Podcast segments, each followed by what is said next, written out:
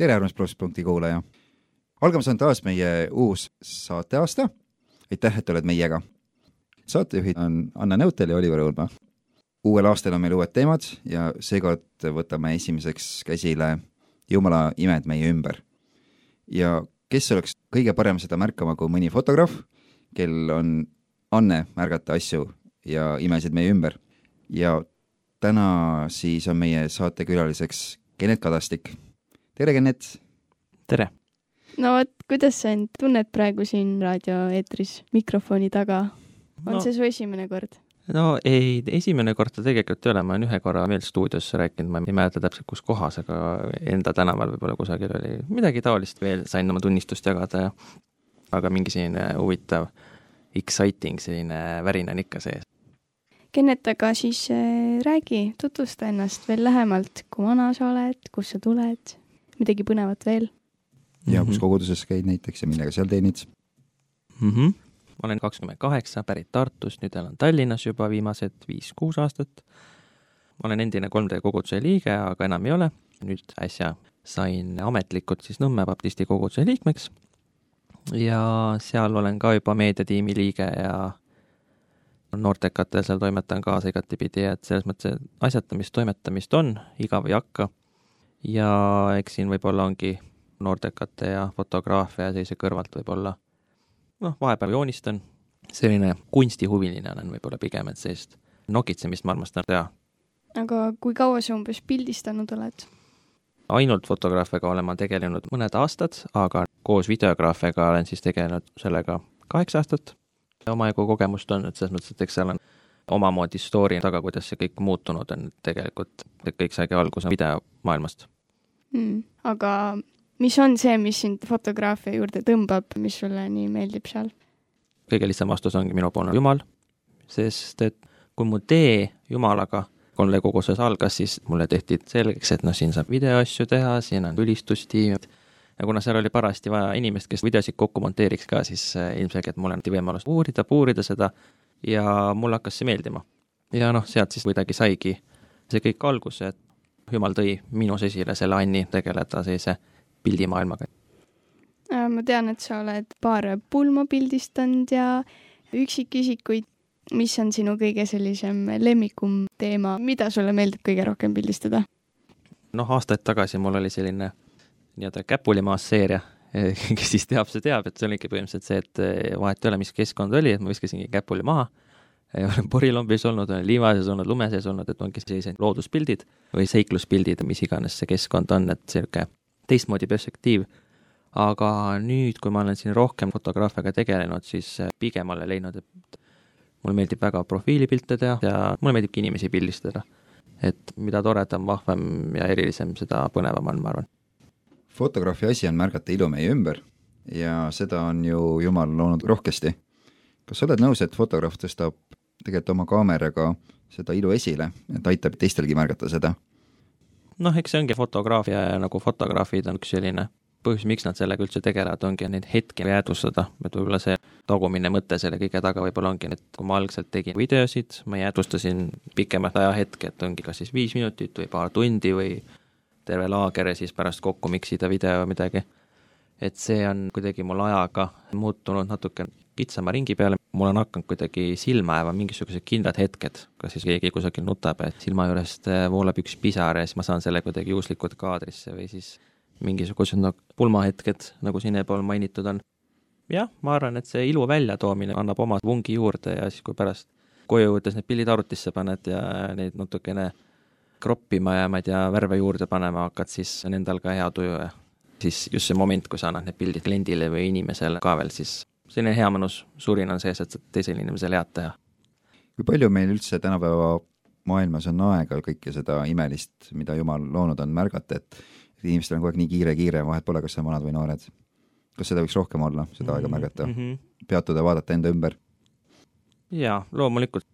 noh, seal on muidugi kaks äärmust. üks äärmus on see, et noh, selline nutimaailm, nagu meil on, kõigil on telefonid taskus, kõik pildistajad klõpsutavad, kõik on omamoodi fotograafid, me kõik silmadega tegelikult näeme ka ringi, mis toimub ja ka lihtsalt me võib-olla ei jäädvusta neid hetki ja ei peagi selles mõttes, et mis on vaja talletada mällu, see jääb siis mällu.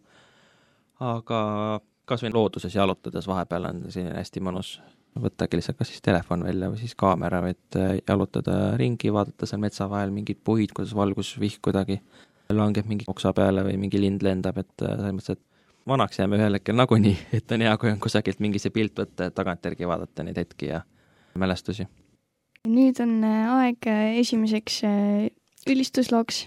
Kennet, mis sa meile välja oled valinud siin? esimeseks looks valisin ühe pühamüristuse loo pealkirjaga Päriselt.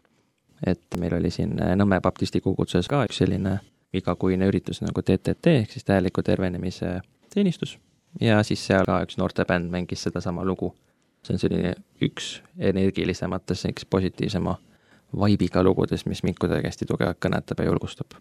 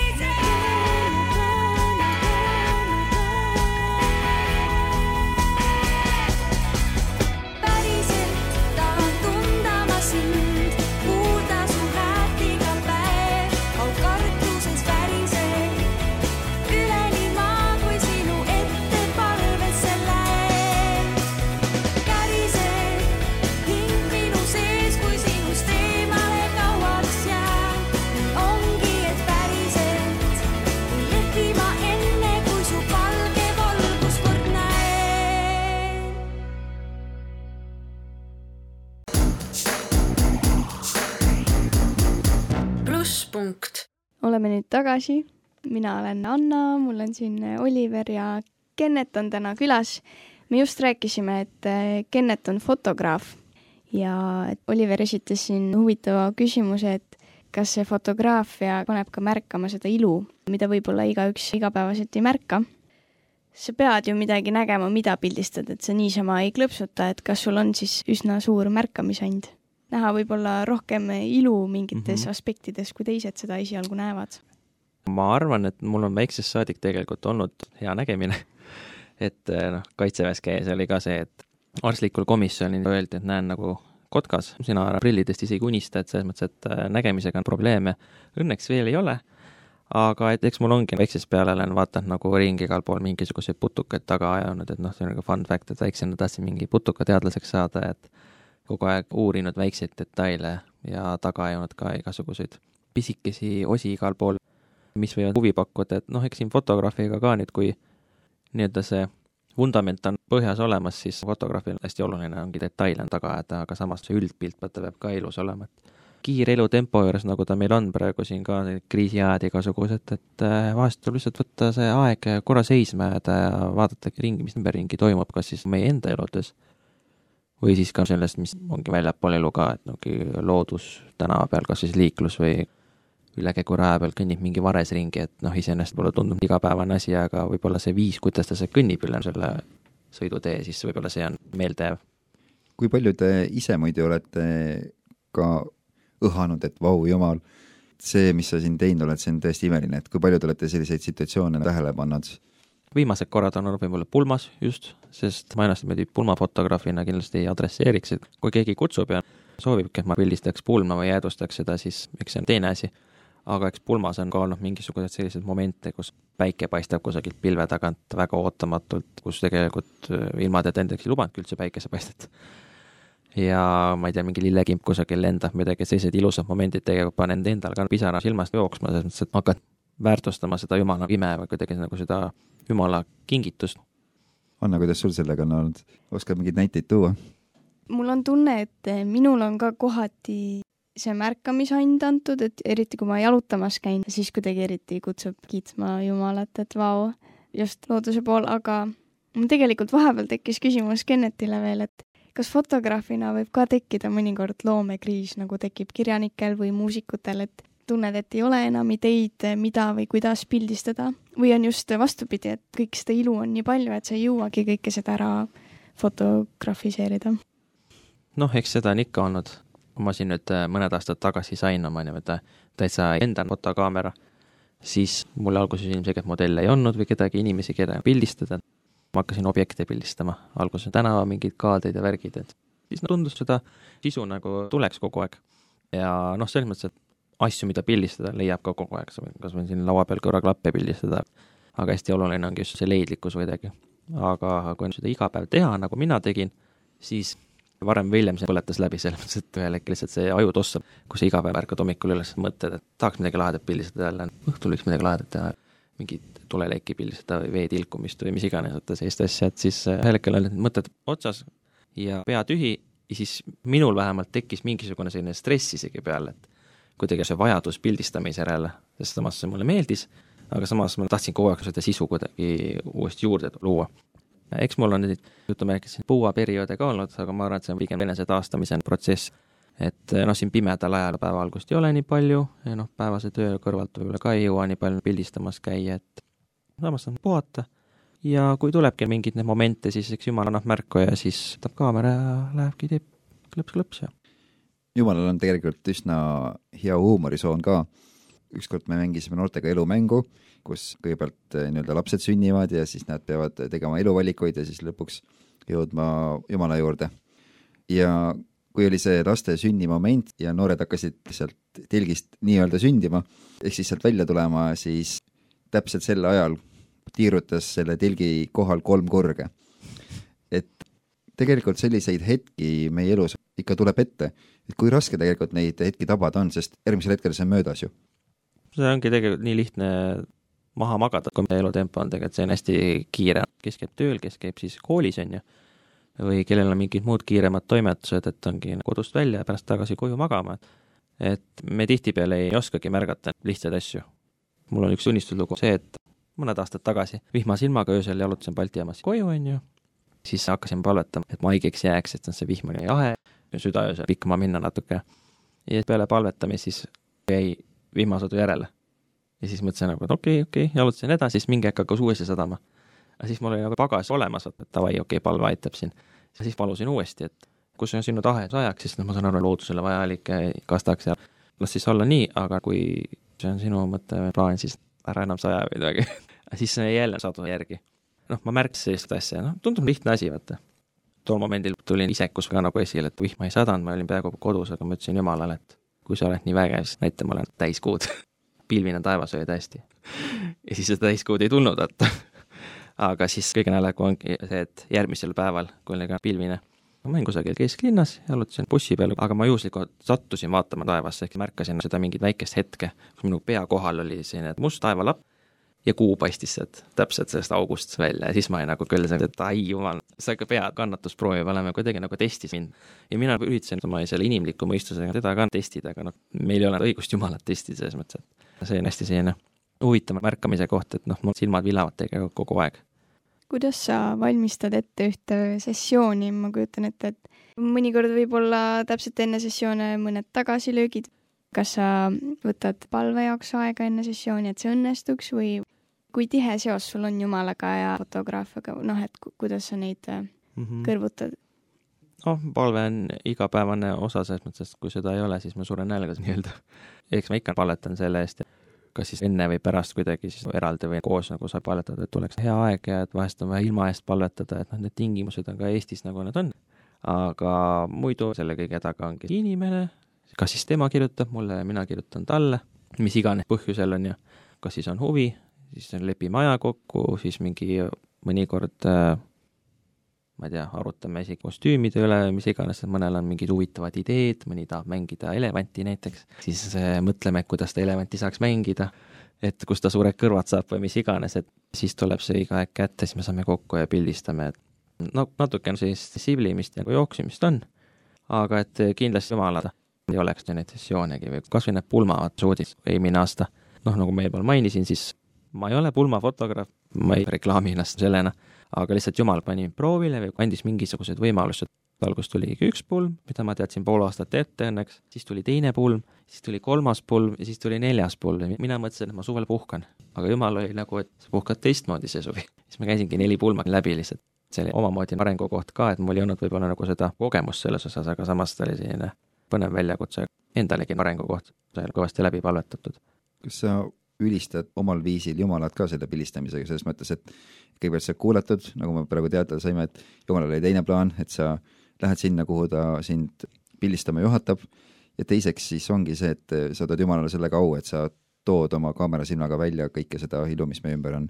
no miks mulle meeldib inimesi pildistada, üks selline põhjus ongi see, et mulle meeldib teisi inimesi õnnelikuks teha nad saavad pildid ja eks nad siis postitavad või panevad raami või midagi, et minul on puhtalt tegelikult pildistamise rõõm ja võib-olla siis nagu pärast see natukene töötluse rõõm, et mulle meeldibki ligimesi teenida, selles mõttes, et noh, jumal ütleb ka, et armasta oma ligimesi nagu iseennastki.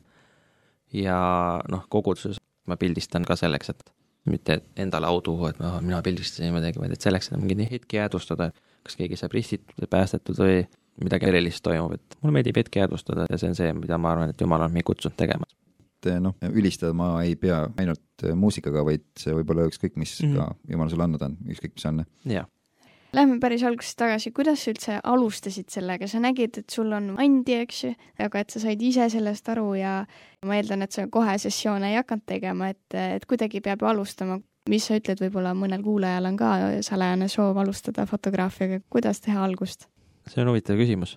eks ma vahepeal nagu mõelnud ka tegelikult sellele, et ma olen kas või mõnes Agreskil mingit töötuba teinud fotograafia teemal, et ma olen seal mingeid nippe või mingeid mõtteid jaganud. sul peab kõigepealt olema huvi selle asja vastu. sa ei pea võib-olla kohe hakkama kümnetonnist kaamerat ostma, et ärkad ühel hommikul üles, tahaks fotograafiks hakata, et siis ostad kohe kaamera ja vaatad, et ei tule midagi, et päris nii ka ei käi.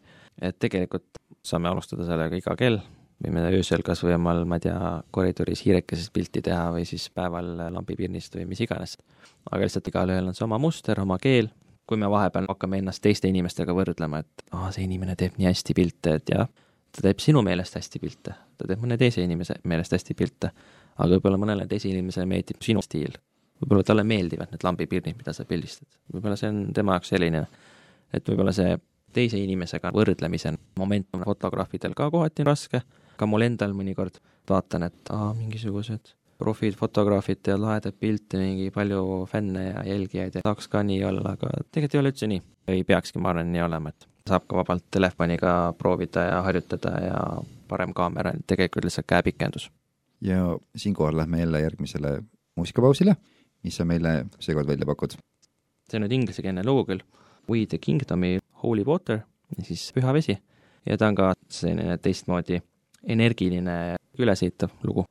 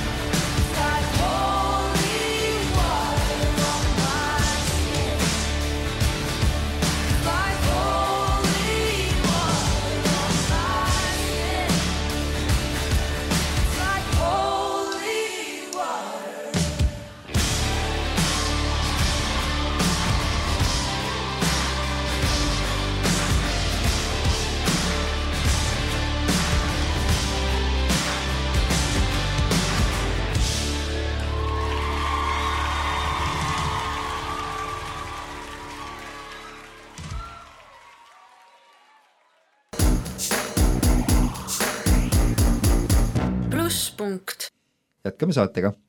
täna on meil stuudios mina, Oliver, siis Anna ja külas on meil Kennet, kes on fotograaf ja räägib jumala imede märkamisest. Kennet, kui suur osa on äh, pildistamisel andel ja märkamisoskusel ja kui suur osa tehnikal ja siis nende tehniliste teadmiste tundmisel? Ma arvan, et see kõik tuleb ajaga tegelikult. näiteks mul oli ka see, et eh, noh, kui mul alguses nüüd mitu-mitu aastat tegelikult enda isiklikku kaamerat ei olnud, et see on mul alles nüüd siin viimased paar aastat, et siis ma jooksin ka koguduse laenatud kaameraga ringi ja peamiselt oma telefoniga ka ja siis mõne sõbra käest ka kaamerad laenatud ja need olid kõik erinevad alati.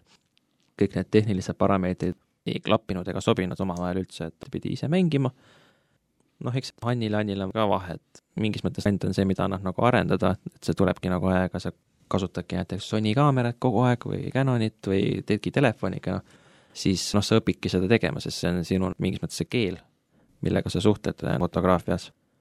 põhiline on aeg hästi tugevat, et võib-olla inimesed tahavadki väga kiiret, et kõik asjad kohe liiguks, et, et mina tahan nüüd pildistama hakata, et homme on kaks miljonit jälgijat mul ja kõik tahavad minu pilte ja et päriselus see nüüd nii ei käi päris, kui see jumala tahe ei ole, siis nii ei lähe, võib vastupidi minna. kumb on sinu meelest tähtsam, kas anne või siis tehnilised oskused? see on nii raske küsimus noh, eks tehnilised oskused võib-olla on pigem nagu see, et nende järgi sa võib-olla oskad määratleda inimese kohta seda, et kui hästi ta oma varustust tunneb. andidel on see, et eks nad on mingis mõttes suht sama, minu silma läbi sul peab olema oskus kasutada oma tehnikat maksimaalsel viisil hetke jäädvustamiseks, sa võid teha vana Nokia klotsiga mingil määral parema pildi, kui keegi teeb mingi Canoni kaameraga. lihtsalt hästi olulised parameetrid on, see ongi valgus ja kõik müra ja noh, võib-olla ongi pildi kvaliteet, nagu kõik see müratase ja kõik see nagu erinev, aga pildi sisu võib olla totaalse erinevusega sa oled maininud, et sulle meeldib väga Hiobi raamat piiblist mm. -hmm. no ütleme, see on ikka selline väga kannatusi täis osa, et mida sa oled sealt saanud oma eluks või fotograafi tööks? võib-olla see püsivus ja kannatlikkus, kuidagi see Hiobi näitel, et vahel võib ka sul pildid ka täiesti metsa minna järjest. et noh, mul ei ole küll olnud sellist fotosessiooni väga, et kus olen nukrad koju, et täna ei saanud ühtegi pilti või no on olnud isegi, pärast neid pilte timmides ma siis ikkagi leian, et on head pildid. ei, ma ei tea, et oleks selliseid võib-olla halbu aegu otseselt olnud, aga just see kannatlikkus võib-olla kaamera taga olles, et noh, filmimise ajal oli ka näiteks nii, et seisad, ootad seal mingit momenti või peadki paar tundi seal filmima ja filmima, filmima, siis pärast monteerima veel, et ikka tahad kuidagi, et asjad kiiresti laheneksid et noh, Hiob oli ka samamoodi, et äh, oli ta kõik talu ja loomad ja kõik läksid, aga ta oli selles mõttes ustav Jumalale, et ta tegi seda asja edasi, mis ta tegi, palvetas ja eks ka minu elus on olnud paremaid päevi, on olnud halvemaid päevi, aga oluline on olla pühendunud sellele, mida siis sa teed või noh, mis on sinu kutsumus, kui Jumal on sulle südamele pannud, et see on sinu teema, siis seda ma teen. Ja ma teen siiamaani seda, et olgu siis pikemad või lühemad vahed sees, aga ma ikkagi teen seda kas tänapäeval on üldse mõtet eraldi fotograafidel ja suurtel kaameratel, et meil kõigil on ju eh, aina võimekam telefon taskus, mis teeb igast imepilte, millel on tänapäeval kohe mitu kaamerat küljes. no eks seal on võib-olla see brändi värk ka, vaata, noh, et noh, kes on ikka truu näiteks Canonile, noh, nagu mina näiteks, kui ma ikka pildistama lähen, siis ma ei võta telefoni ainult kaasa, et siis ma ikka võtan oma kaamera, vajadusel mingid valgustused, asjad või mõne sõbra, mida iganes vaja läheb. Ja siis lähen oma kodinatega kohale ja teen oma tööd, et noh, võib-olla telefoniga pildistades siis ei tundu võib-olla nagu nii professionaalne, et sa lähed pulma telefoniga pildistama, siis see, kes tellis fotograafi, võib-olla kratsib küll natuke kukalt, aga on ka erandeid, et ma nagu kätte ette ei pane kellelegi, et noh, kui nüüd iPhone'id kõigile turule näiteks ette jõuavad, siis miks ka mitte. kuidas üldse kujuneb fotograafil välja oma käekiri või stiil, sa oled öelnud, et sa peale pildistamist lähed arvutisse need, tuunid seal värve, asju. algaja fotograafil, noh, peab olema ikka kannatlik, et sul oma käekiri lõpuks välja tuleks, et kaua sul üldse see aega võttis või oled sa üldse kindel, et nüüdseks oled sa leidnud oma stiili? kui ma aus olen, siis mul on mitu stiili. et noh, ei ole katsetad nagu... niimoodi? ei, ma päris ei katseta, aga mul ongi mingisugused paar stiili, mida ma erinevates olukordades rakendan. Pulmapiltidel on siis mingis mõttes eraldi temaatika ja no igapäeva shootidel on ka võib-olla omad toonid. mind ennast just huvitas ka seesama asi, et kui kunstnike puhul saab rääkida erinevatest stiilidest ja käekirjadest, et vaatad peale, tead kohe, et vau, selle maali on teinud Picasso või selle teise on teinud Apa Pukk, et maalimisstiilid on nii erinevad mm, -hmm. sest eh, nad juba pintslit ka kasutavad täiesti erinevalt, et kuidas saab fotograafide puhul üldse rääkida stiilidest ja stiilide erinevusest, et nad ei kasuta ju pintslit või pliiatsit, et nende töövahend on kaamera? no eks kaamera puhul ongi pigem võib-olla see, et mis nurga alt sa pildistad ja kui sisse suumitud sa oled või kui näos sa nagu kaameraga oled inimesel või objektil siis aga ma arvan, et fotograafi on see teine pool sellest suurest tööst ongi töötlusosa, et sealt tulevadki need fotograafi käekirj võib-olla rohkem nagu esile. Mõnel on pastelsemad toonid, mõnel on kontrasti juurde timmitud, mõnel ongi ainult oranžid värvid, teisel on rohelised värvid, kolmas kasutab iga pildi peal üldse siniseid toone. noh, mul endal alguses olidki võib-olla need kontrastid vähem tõmmatud ja no kui ma võrdleksin oma vanu pilte praegusega, siis eks noh, ongi seda vahe on tugevalt märgata, et värvilisemad, lõbusamad, kuidagi nagu paremad. ja seda teekonda põnev jälgida kõrvalt ka, et noh, see sõltub sellest, kelle sa omale eeskujuks ka paned, ma arvan. et kelle moodi või kelle sarnaselt ma seda tahaksin teha, aga sa paned nagu kuidagi selle oma niši juurde, et see on, ma arvan, midagi, mille järgi siis nagu inimesed valiks ikka fotograafi.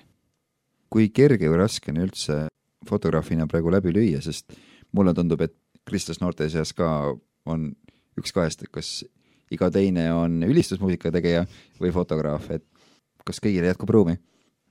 kuna Jumal on meid kutsunud siia igasuguseid asju tegema siia ilma peale, siis ma arvan, et kui ma ei löö näiteks fotograafiaga läbi, siis võib-olla komöödikuna võib-olla löön ikka läbi, selles mõttes, et mingit takistust ei tohiks ette tulla, aga muidu fotograafina noh, see tööturg täitub küll hästi usinalt erinevate algajate ja profimate kaamerameeste ja naistega, et valik on üsna suur. eks ma olen ise ka märganud, et ülistajaid ja fotograafe ongi valida, et aga võib-olla mingeid muid valikuid, ma ei tea, keegi, kes juhtmeid kusagil äh, seob, neid väga palju ei ole või siis neist ei räägita lihtsalt väga palju.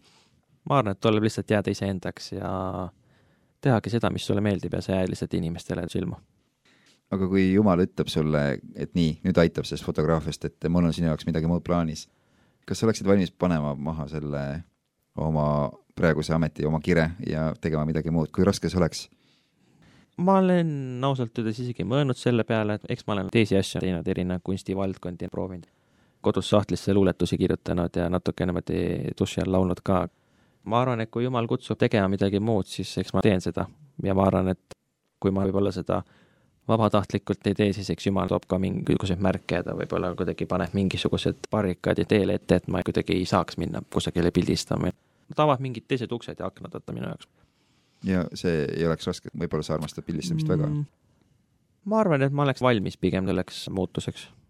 et noh, eks mulle sellised ekstreemsused ka meeldivad, mugavustsoonist välja tulemised, et võib-olla mõnele inimesele võib see nagu raske tulla ja nagu ootamatu, aga ma arvan, et eks jumal valmistab meid kõiki selleks ette ma ei tea, võib-olla toobki minus esile mingisuguse ülistaja või noh, ma never ever ei oskaks võib-olla ette kujutada seda, mõtlen, aa, mis asja nagu, et mina ülistan kusagil mingi, vehin seal mikrofoniga ringi või midagi, kujutangi ette ennast fotograafiga, aga võib-olla olude sunnil läheb vastupidi hoopis. et ma arvan, et tuleb olla ise või paindlik lihtsalt äh, kuulata töömaalale. nüüd on aeg kolmandaks looks, Kennet, mis sa pakud meile? üks minu lemmiklugu on eh, Metsik armastus ja mulle meeldibki tegelikult see Silja Helmdorfi versioon sellest, see on läbi aastate üks mind kõige enam kandvamaid lugusid olnud